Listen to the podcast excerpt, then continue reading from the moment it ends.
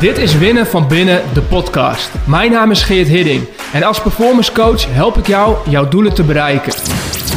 De weg naar succes komt met ongemak, twijfel en onzekerheid. Daarom praten we over mindset, gewoontes en skills en delen de beste tools om te winnen van binnen.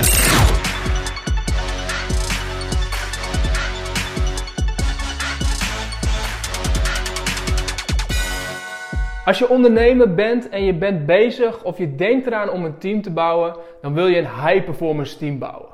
Oftewel een team van mensen die in staat zijn om de potentie die je in je hebt, die je in je hebt als business, eruit te laten komen.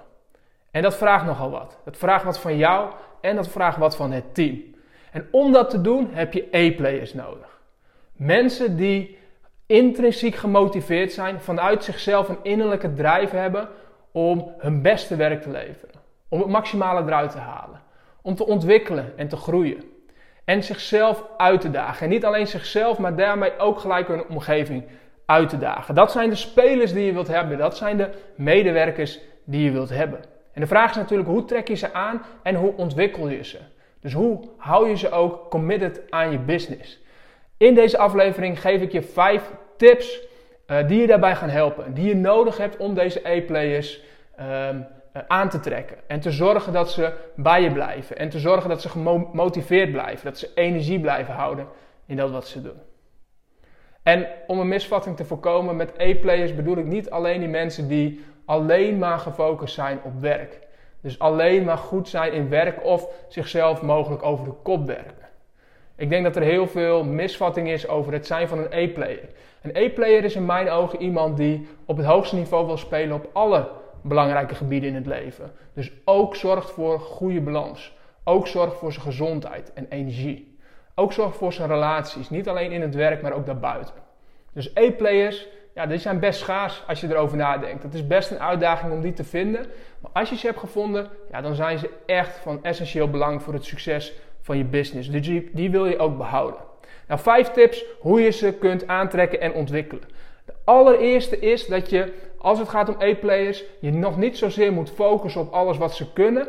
Maar waar je vooral op wil focussen is op hun mindset. En met name hun groeimindset. Je wilt mensen die geloven dat ze door inzet, hè, door zichzelf in te zetten en te werken, hun talent kunnen ontwikkelen.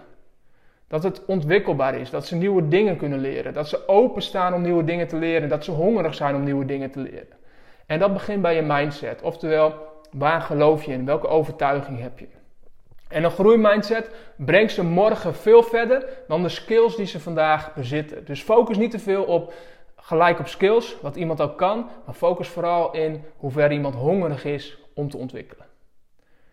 De tweede tip is verzamel andere A-players. Dus verzamel zoveel mogelijk A-players. Wees niet bang om mensen aan te trekken of mensen aan te nemen die verder dan jij zijn. Of die iets beter kunnen. Juist die mensen wil je aan boord hebben. Die wil je erbij betrekken.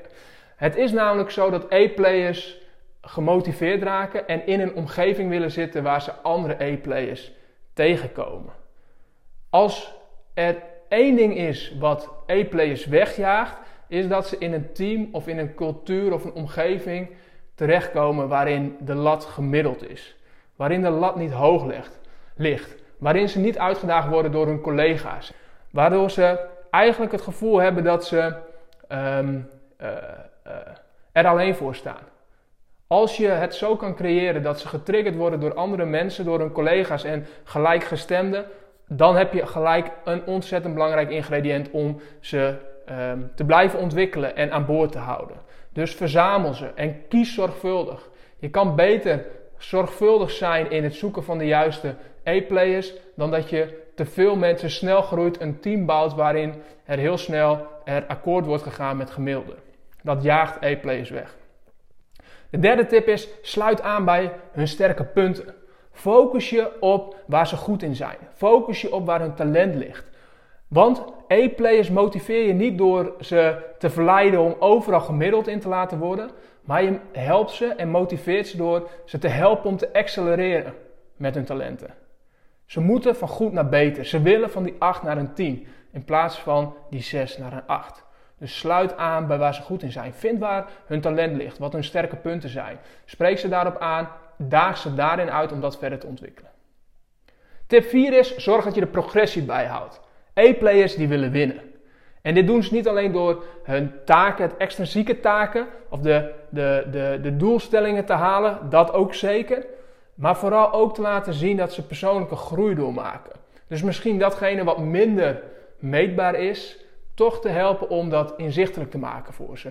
Hun progressie daarin bij te houden.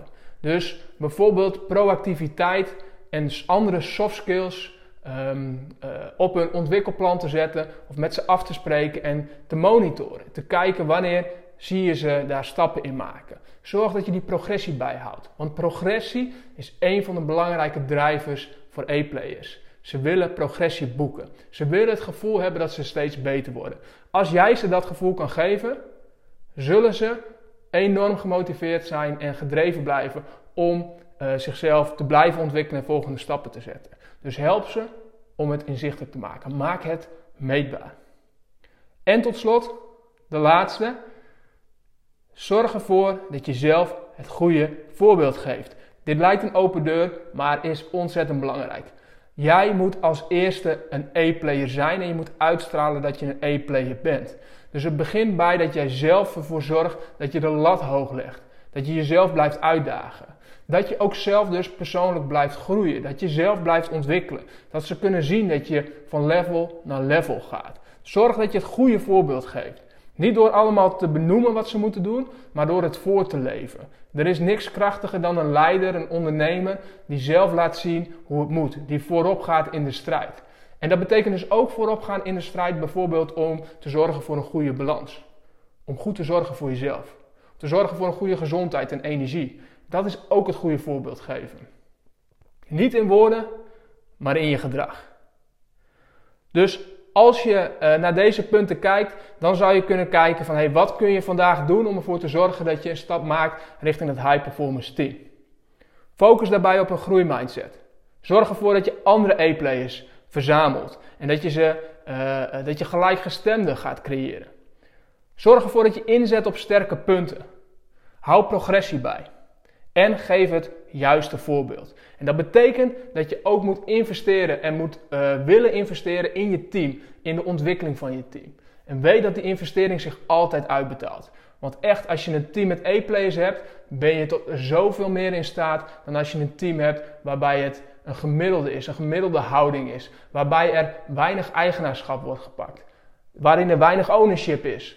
Als je mensen hebt die vanuit zichzelf eigenaarschap durven te pakken, uh, verantwoordelijkheid nemen, oh, dan kun je zo hard gaan. Dan kun je zoveel bouwen en dan kun je nog zoveel meer en hoger bouwen dan je voor mogelijk houdt. Een high performance team gaat echt het verschil voor je maken.